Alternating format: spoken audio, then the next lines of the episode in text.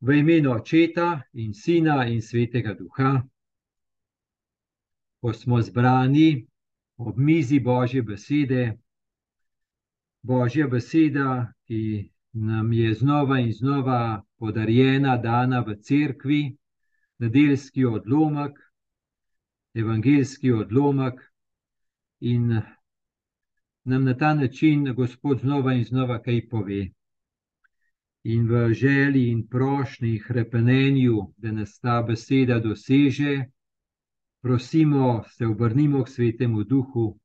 Sveti duh, posveti nas, napolnjuj naša srca z gorečim krepenenjem po resnici, poti in življenju.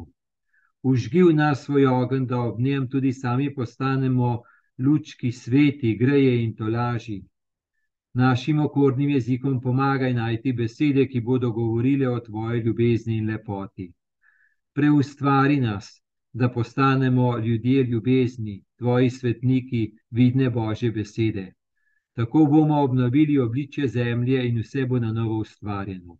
Pridi, sveti duh, posveti nas, okrepi nas, ostani pri nas. Amen.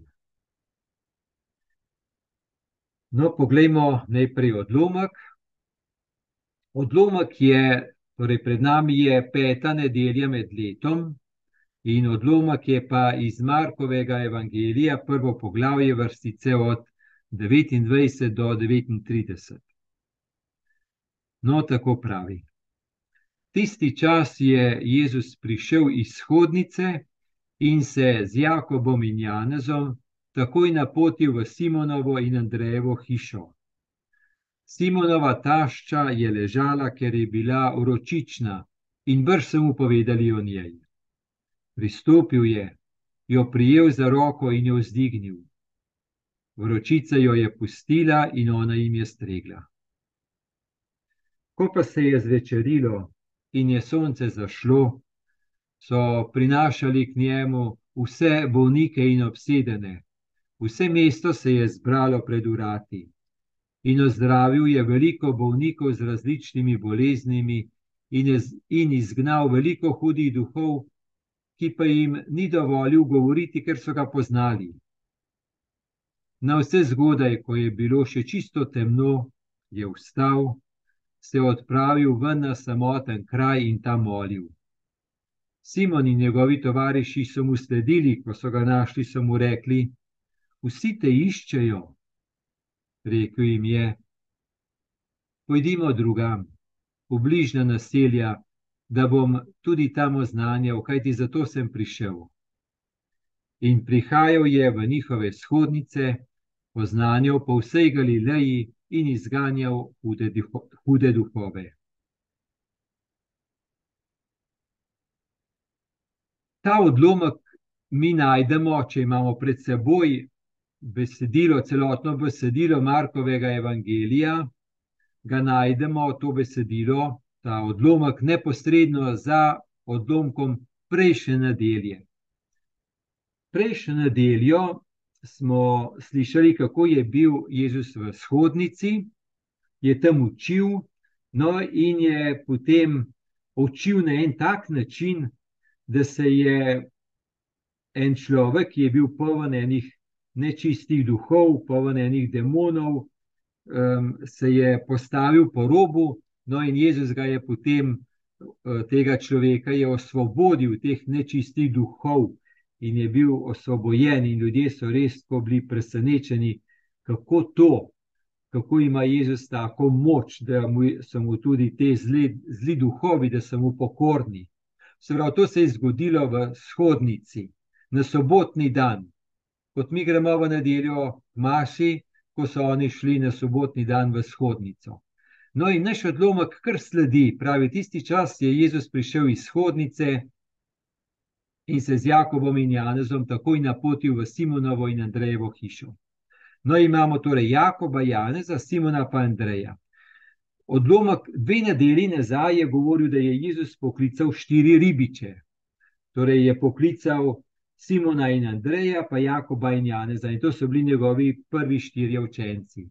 Ko je nekako eno tako dogajanje, vidimo, da kar sledi, ne poklical učence, potem so šli enkrat v sinagogo, oziroma sinagoga je isto kot uh, shodnica.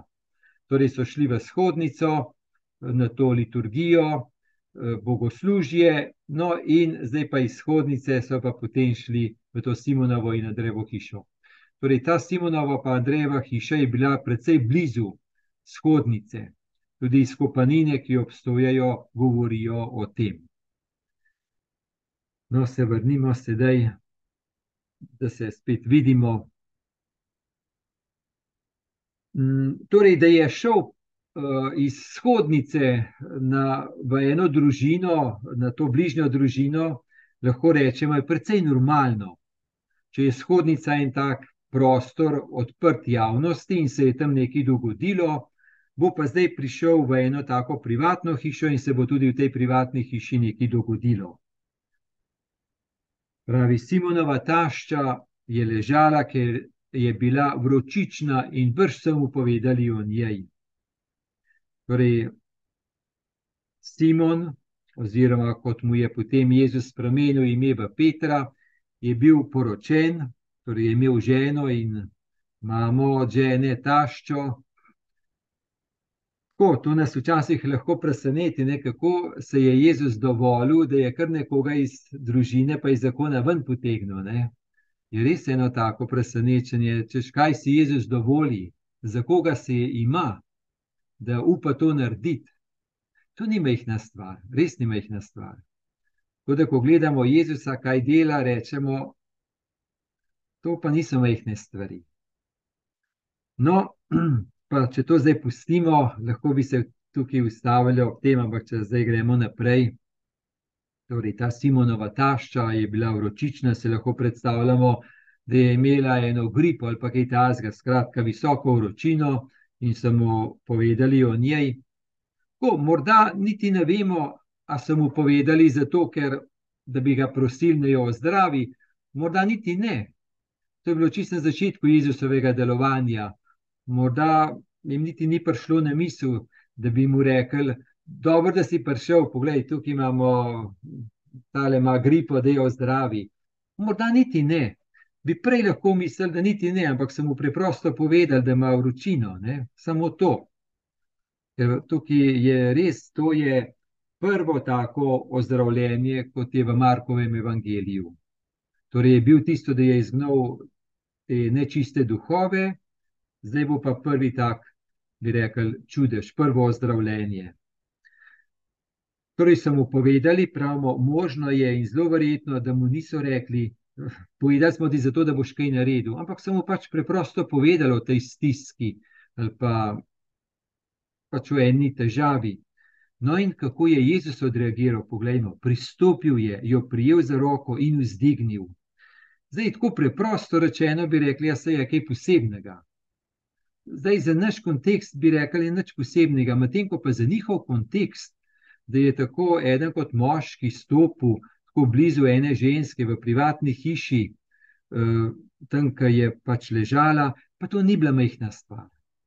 Bi nekako vsa olika ali pa vse vzance, kot so bile, pa tudi način, pa ena breku, tudi ena, vem, e, en običajen način, ni tega predvideval.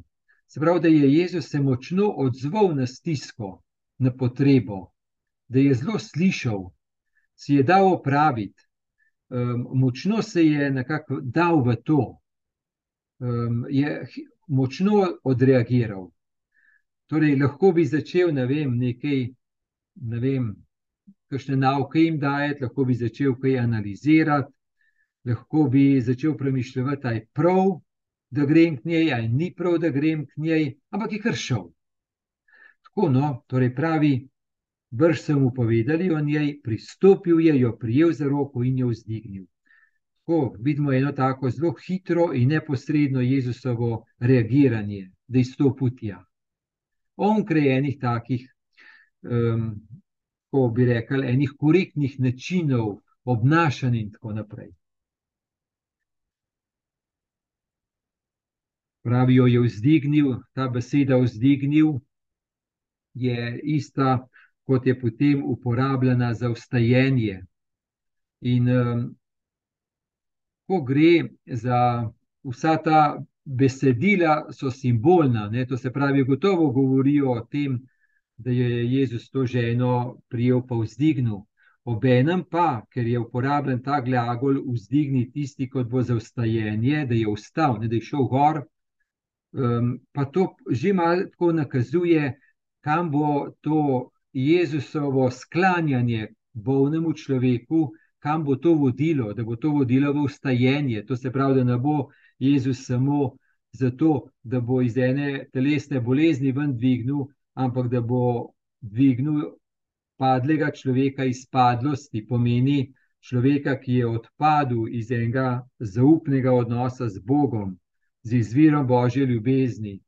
Um, padlega človeka, ki je padel ven iz naveze z očetom, torej tega človeka bo dvignil, da ga bo spet ponovno, pač spet ponovno, morda ni tako pravi izraz, ampak da bo tega padlega človeka dvignil, da ga bo vzdignil, vzdignil v območje očeta, božjega življenja, pripadnosti nebeškemu očetu.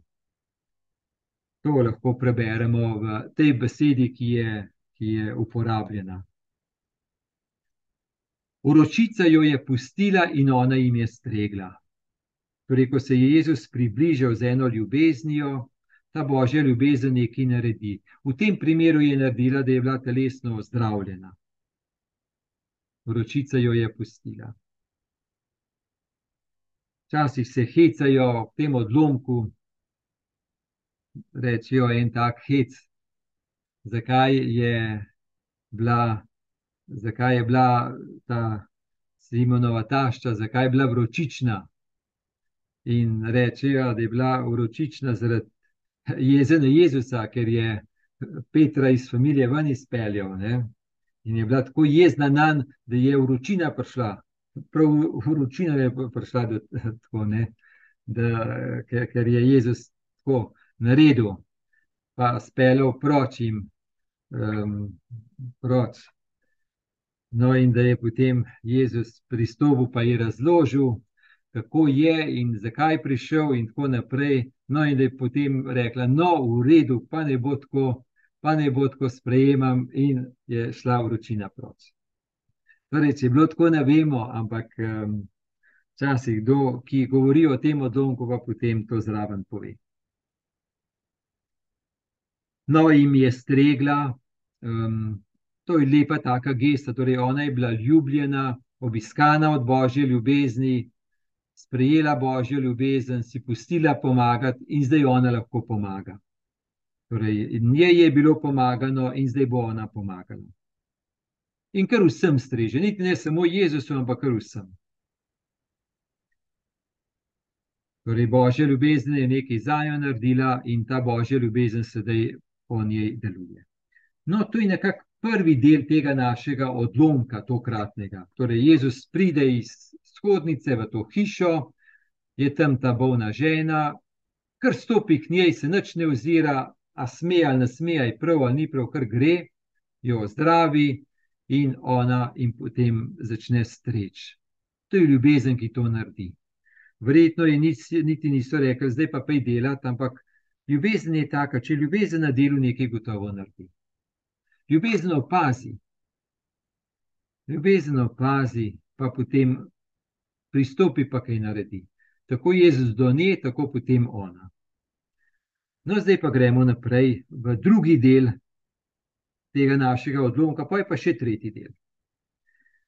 Ko pa se je zvečerilo in je sonce zašlo, so prinašali k njemu vse bolnike in obsedene, vse mesto se je zbralo pred urati. No, zakaj je rečeno, ko pa se je zvečerilo in je sonce zašlo? Zdaj se moramo spomniti, da je to sobota. Sobota je sveti dan. In eno od prepovedi, ki so jih v sobotih imeli, je to, da v sobotih da niso smeli zdraviti, v sobotih niso smeli preveč hoditi, v sobotih niso smeli kaj prenašati. Vse to je bilo prepovedano na sobotni dan in sobotni dan je trajal do sončnega zahoda. Oni so, ko so ljudje tako šteli dneve, da so se je zvečer začel, dan ob šestih zvečer, pa potem je trajal, torej prvi del dneva od 6 zvečer do 6 zjutraj, pa pa trajajo naprej od 6 zjutraj do 6 zvečer. Tako je bil dan narejen, da so, da so se najprej dobro naspali, dobro spočili, potem je bil pa dan. Tako, ne, tako so danes šteli. Mi imamo malo drugačne, um, oni so pa, no, ja, malo drugačni. Pri nas se srednjo čizečne, tam so pa tako. No, v glavnem, ko se je nekako skladno z njihovim verovanjem, pa načinom, kako so spoštovali sobotni dan, torej ko se je zvečer in je sonce zašlo, so prinašali k njemu vse bolnike in obsedene. Torej, tega ne bi smeli delati po dnevni sobotni dan.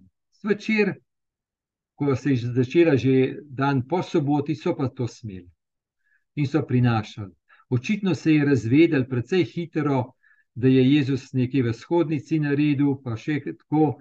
In se je, take stvari so se gotovo hitro, hitro, hitro razvedle in so prinašali k Jezusu bolnike in obsedene. Tako, ko je ena taka moč na delu, to pritegne. Ni treba zdaj ne vem kaj, um, ne vem, nekaj posebnega, ampak če nekaj tazga lepega, dobrega na delu, to pritegne in nekako samo nese. Ni bilo treba vem, Jezusu, da bi, re, da bi Jezus delal eno propagandno kampanjo, pa to, ne, da bi oglaševal tam sem. Um, sposoben sem to in to, imam licenco za to in to, kar prite, pa bom to pa to naredil. Ampak, če je nekaj tazga na delu, človek kot je narejen, znova in znova ga kar nekaj pritegne, vse tudi danes je tako. Odvisno pa je res, katere stvari pritegnejo, ne, to pa tudi res, to pa gotovo. No, pravi, so mu prinašali vse bolnike in obsedene.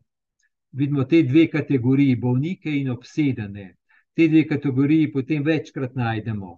Naprimer, tudi tukaj v shodnici je bil obseden človek, obseden pomeni poven demonov, hudih duhov, poven enih zgrešenosti. To se pravi, po, toliko poven enih dinamik, enih silnic, enih zlih moči, ki človekovo življenje ugonabljajo ki močno eh, držijo uklenjeno človekovo življenje, da človek ne more zaživeti, torej zaživeti življenje, zaživeti veselja, zaživeti odnosov, zaživeti ustvarjalnosti. To, kar Bog želi za nas, da bi živeli, da bi živeli, da bi živeli. Um, no, in torej hudi duhovi to hočejo uničiti, so proti Bogu, proti božjemu delovanju, proti božjemu stvarjenju. No, in um, Jezus ima moč nad zlom. Zlo je tisto, ki uničuje človeka. Ne? Vojna uničuje človeka, uničuje odnose, uničuje posameznike. To, to je res veliko zlo. V to v prvi vojni so pa v naših srcih. Ne? Ko je enkrat srce ugrabljeno od zla, potem zlo na vzven pride. Tako je.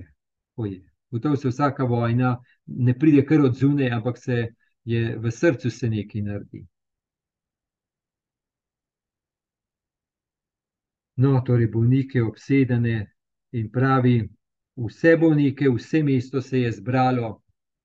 Ko mi beremo uh, evangelije, ko so iz, te izrazi, vse to zdaj ne pomeni, koliko tisočev jih je bilo ali pa koliko deset tisočev jih je bilo. Ampak da jih je bilo ogromno.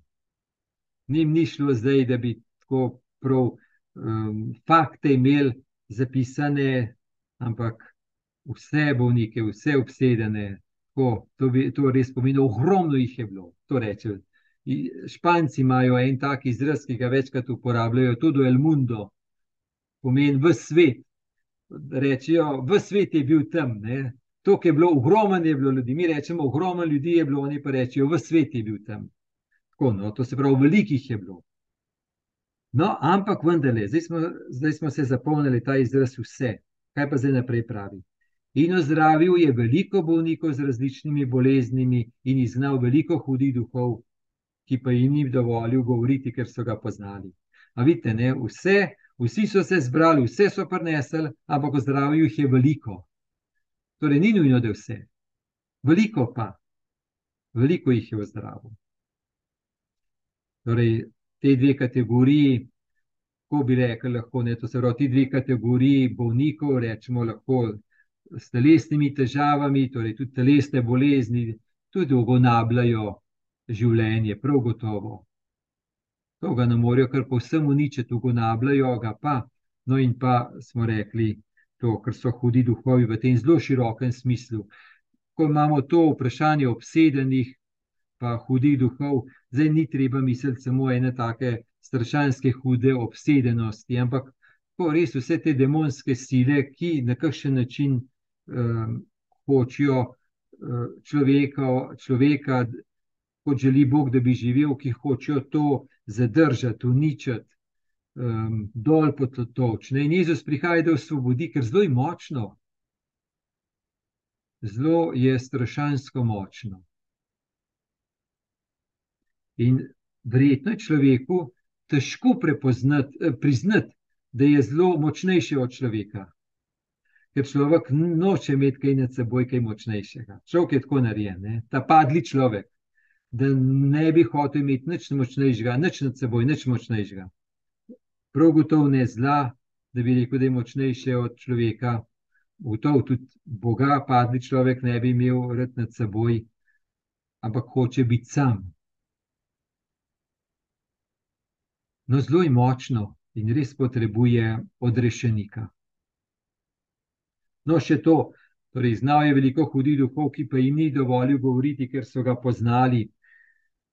Smo videli, da um, v prejšnjem odlomku, prejšnjem nedelju, da je ta hudi duh rekel: um, Vem, kdo si, sveti Božji. Um, in torej, da so hudi duhovi ta prvi prepoznali, da je Bog na delu, da Jezus ni samo en navaden človek. Ali ni to zanimivo? Da so hudi duhovi prvi prepoznali, ampak Jezus je rekel: Tudi če ste me vi prepoznali, ampak ne me vi oznanjali, vam prepovedujem, da bi me vi oznanjali. Mene bodo oznanjali moji apostoli, ne pa vi. Ko, tudi če vi veste, kdo sem, ampak ne vi govorite, ker boste napak govorili v meni, boste tako ne to. Res je ena taka, res taka skrivnostna dinamika. Jaz včasih tako pomislim, naprimer, to, ko so ga hudi duhovi prepoznali. Sem že večkrat to opazil, da kakšen človek, ki, je, ki ima kakšno tako, um, tako bi rekel, na čustveni ravni, kakšno, um, bi rekel, kakšno ranjenost, kako ima eno določeno sensibilnost za te čustvene dinamike, ki jo nima nekdo, ki ni tako ranjen. To je res zanimivo, tako kako je to um, res ena taka občutljivost, ena, en, en občutek, ki um, je zanimivo. No, no, pojdimo naprej. Smo rekli, ta žena, potem ogromno teh ljudi, in božja ljubezen na delu, božja dobrota na delu. Gotovo bi se mi lahko dosto ustavili ob tem, tudi ne, to se pravi, Gospod dela, deluje, eh, prihaja za to in eh, ljudje se odzovajo. To se pravi, tudi da vsakdo od nas znova in znova, da pristopi Gospodu in reče: Poglej, kole je, prosim, pomoči, pomagaj. Um, da je kaj naredi. Tako, torej, da, da znova in znova da se obrnemo, da prosimo, da zaupamo. Gotovo, koliko bolj globinske stvari, toliko boljš, ne da nas prosimo samo za take sprotne, ampak za take globinske, ne vem, prositi za vero, za zaupanje, za ljubezen. To, to pa znova in znova. In da je ta prošnja taka. Um, močna, intenzivna, da ni prošla na tem nivoju, da bi Jezusu rekel: No, jaz te prosim za vero, sicer ne vem, če mi boš kaj dal, bolj malo verjamem, da mi boš kaj dal, ampak bom že živel. To ni prošnja, ne. To ni, ker ni v zaupanju, ni v odnosu. To ni prošnja. Prošnja je, Gospod, ti imaš, jaz nimam. Zakaj nimam, ne vem, ampak tako je, ker je zelo močno, ker me je poškodovalo, jaz bi pa rad živel, živel odrešeno in ti to prinašaš, prosim tega, da mi tega, ti imaš to, jaz nimam, ti pa imaš in zato ti prinašaš to. Torej je priznanje, da jaz nekaj nimam, priznanje, da Gospod ima in zaupanje in da On želi dati. Tako da ta dinamika je res mo močna. No. Sam pravim, da ne prosimo samo za take sprotne, drobne stvari. Jaz včasih rečem, sprotna stvar vem, je tista, da ne vem, ne prekjer plec najdem nekaj, ker ga ni za najdeti. Se tudi to lahko prosimo, ampak če, če je pa nivo prošnje samo na tem nivoju, pa res, pojmo, mi bo pa tega Boga, hit, hitra tehnologija pomagala najti, se bo še malo, pa bo že me avto vodil na, naprej parkirno mesto. Ne. Ta zga Boga, ne, bo, bo hitra tehnologija znala razrešiti, ampak Bog je kaj drugega, kar samo On prinaša, samo Kristus prinaša. Zdaj, biti pa na tej valovni dolžini Kristusa, kaj on prinaša in samo on in hrpanet potem, no, to je pa poglabljanje duhovnega življenja. To pa je globinsko spoznavanje, kdo pravzaprav Jezus je in zakaj prihaja. No, zdaj imamo pa tretji del, ki je tudi zelo pomembni, pomemben. Na vse zgodaj, ko je bilo še čisto to, temno, je vstal, se odpravil ven na samoten kraj in tam molil torej na vse zgodaj, čisto temno je še bilo, je vstal, torej se je dvignil, se je odpravil ven na samoten kraj in tam molil. Torej, vstal, tudi on je vstal, vstal je in šel k očetu na samoten kraj in tam molil. Torej, bil Jezus je bil Božji sin, ampak vendarle, um, oziroma morda prav zato, je potreboval se pogovoriti z očetom je bil Bog, je bil Božji sin in je potreboval to, oziroma da je živel to identiteto, se je umaknil. Si lahko predstavljamo, kako je bilo preintenzivno delo, zdaj do katere ure večerne so delali, ne vemo. Um, verjetno nekaj je že verjetno spal, ampak še zgodaj je vstal, še čisto temno je bilo in šel na samoten kraj in tam molil. Se pravi, se je prav nekako vendal iz tistega, se je odmaknil, je to res kot en odmik, odmik na samoten kraj in tam molil. In čutimo lahko eno tako notranjo, da ga je nekaj notranje gnalo, da je morda res tako, če vprašamo se. Pravi je molil, kaj pa molil, na kakšen način pa je molil, če se malo ob tem ustavimo. Ne? Si lahko tako malo ugibamo, ali pa um, si predstavljamo, torej, kako je Jezus molil. Verjetno je, zelo verjetno je, da se je spominjal kakšnih odomkov iz svetega pisma. Torej, nove zaveze ni imel pred seboj, ne? imel pa staro zavezo, imel preroke, psalme, Mojzesove knjige. Um, in oni so, ko so dečke, ko so uh, jih vodili v šolo, no, oziroma da so, se, da so jih učili, so potem ogromno znali na pamet. Ogromno znali na pamet. In si lahko predstavljamo, da je Jezus ogromno znal na pamet. Iz Izaija, iz Mojzesovih knjig, verjetno tudi iz psalmov, je ogromno znal tega na pamet. In si je to tako ponavljal, obnavljal, pa da, da se je najdel noter. Ne? To se pravi, oče, če ti želiš, da sem jaz Mesija, Mesija je bil napovedan, kaj se dogaja, kako se dogaja, in tako naprej. Se pravi, si lahko predstavljamo, da je očetu pripovedoval, um, da se mu je zahvaljeval, da je rekel: Oče, dobro si tole naredil, veš, veš to so jih pa zdaj kar veliko pozdravlja, to je pa bila tvoja moč, hvala ti za to. Torej, da se je očetu zahvaljeval, mu pripovedoval. Lahko pa tudi očeta sprašal, kaj pa zdaj naprej. Tukaj je veliko potreb, tukaj je veliko potrebnih ljudi. A, a, a, a sem zato prišel, ali naj se vrne k njim, ali še kaj drugega. Tako ne. Kot da je rekel, ja, dela je veliko, ampak povej pa ti, oče, kaj želiš, kaj, kaj nekako je tvoje poslanstvo, za kar si mi je poslal, kako ne gre. No, in potem pravi naprej, Simon in njegovi tovariši so mu sledili. Ko so ga našli, so mu rekli: Vsi te iščejo. Torej, Simon in njegovi tovariši, vidimo, kako je Simon imel eno pobudo. Možno je tudi to, torej, da je Simon poznal ta kraj, eh, da je Jezus kdaj že šel tja, pa da so kdaj že bili tam, da je poznal ta kraj in da je zato vedel, da je že poznal to Jezusa, da je vedel, kam Jezus gre, da gre k očetu. Um, in je poznal ta kraj. Obenem se je Simon čutil gotovo tudi dosto odgovornega, ker vse se je dogajalo v njegovi hiši, da je to ljudi bilo. In da so potem naslednji dan spet prišli, ali pa ostali celo noč, ne vemo. Ne? No, um, torej so Jezusa našli, Jezus, to se pravi, bil zatopljen v molitev z očetom, no in so ga našli in so mu rekli, verjetno je Peter mu rekel, vsi te iščejo. Vsi te iščejo. Lahko se zamislimo, kako je Peter to rekel, s kakšnim tonom, s kakšno držo, s kakšnim patosom in kaj je, bila, kaj je bil pomen tega, vsi te iščejo. Povedni stavek, vsi te iščejo, ampak kaj hoče reči? Oziroma, kaj s tem Peter rekel? To pa vemo jasno ne iz tega, da je Peter rekel v tem smislu: Ja, ja Jezus, kje pa si? A, a, ne veš, a ne veš, koliko ljudi te tam rabi? A ne veš, da bi ti moral biti tam? Kako da ti to vendar ne je jasno? Tam te vsi iščejo, ti si pa tukaj. Veš, koliko je tam potrebnih, ti si pa tle na fletnem. Pejt nazaj, tam te iščejo. Tako nekako to je, ne? a ni res.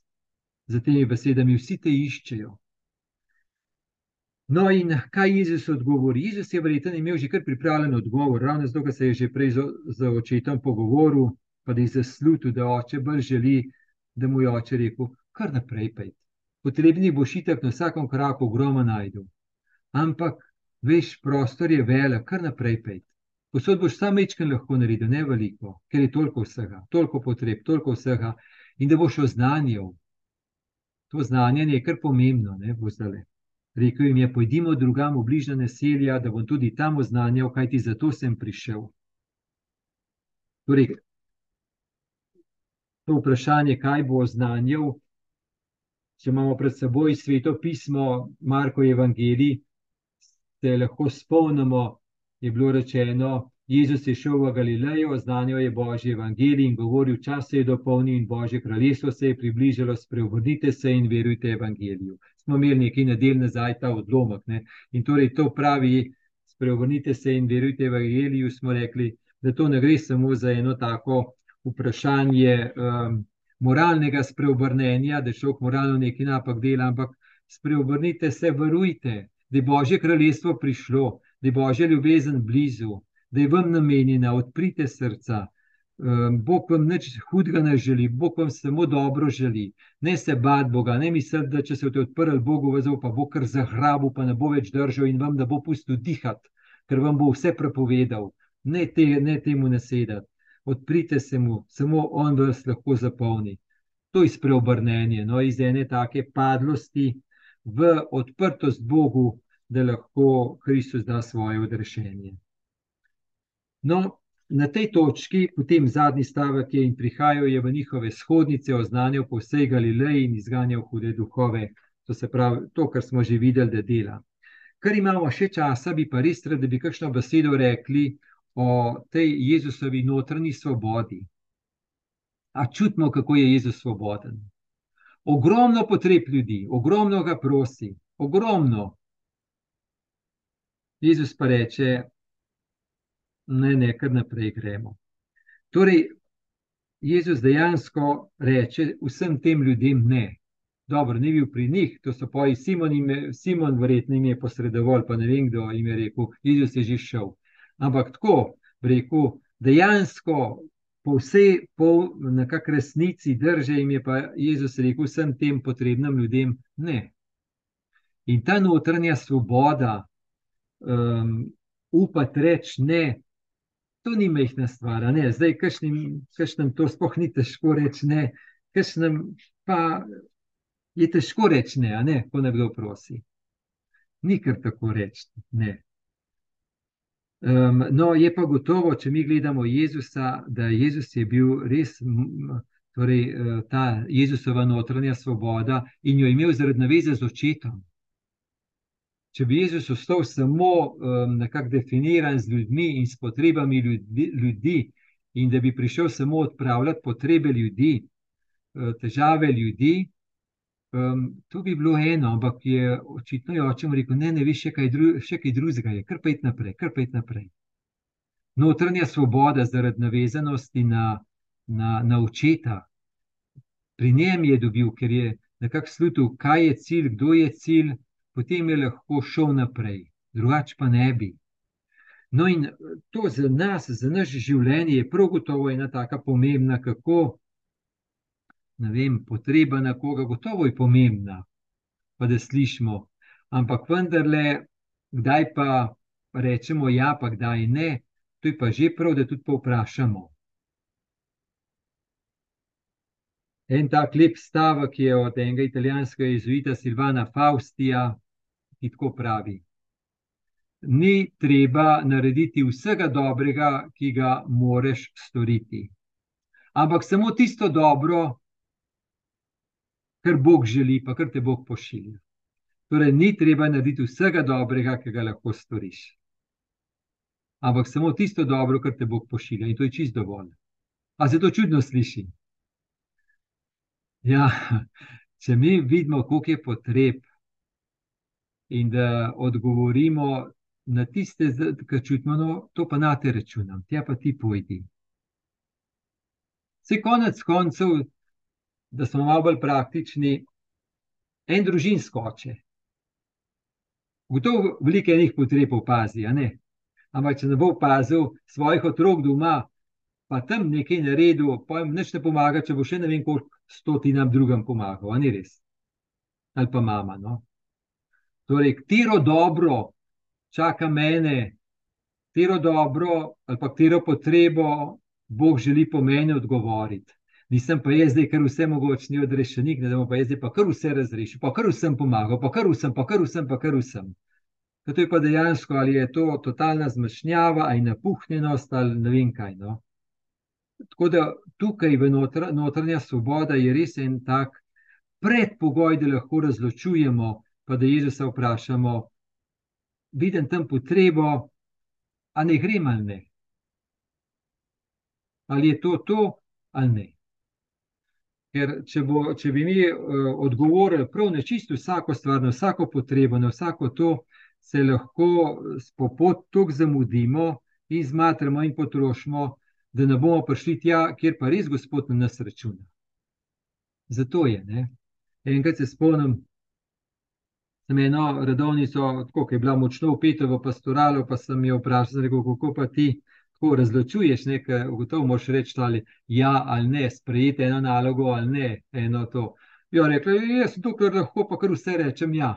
Jaz sem jaz rekel, kaj pa če se po enkrat naredi, da bo pa res nekaj pomemben, ker bi pa samo ti No, pa se pa malo zamislila, ne? ker za to gre.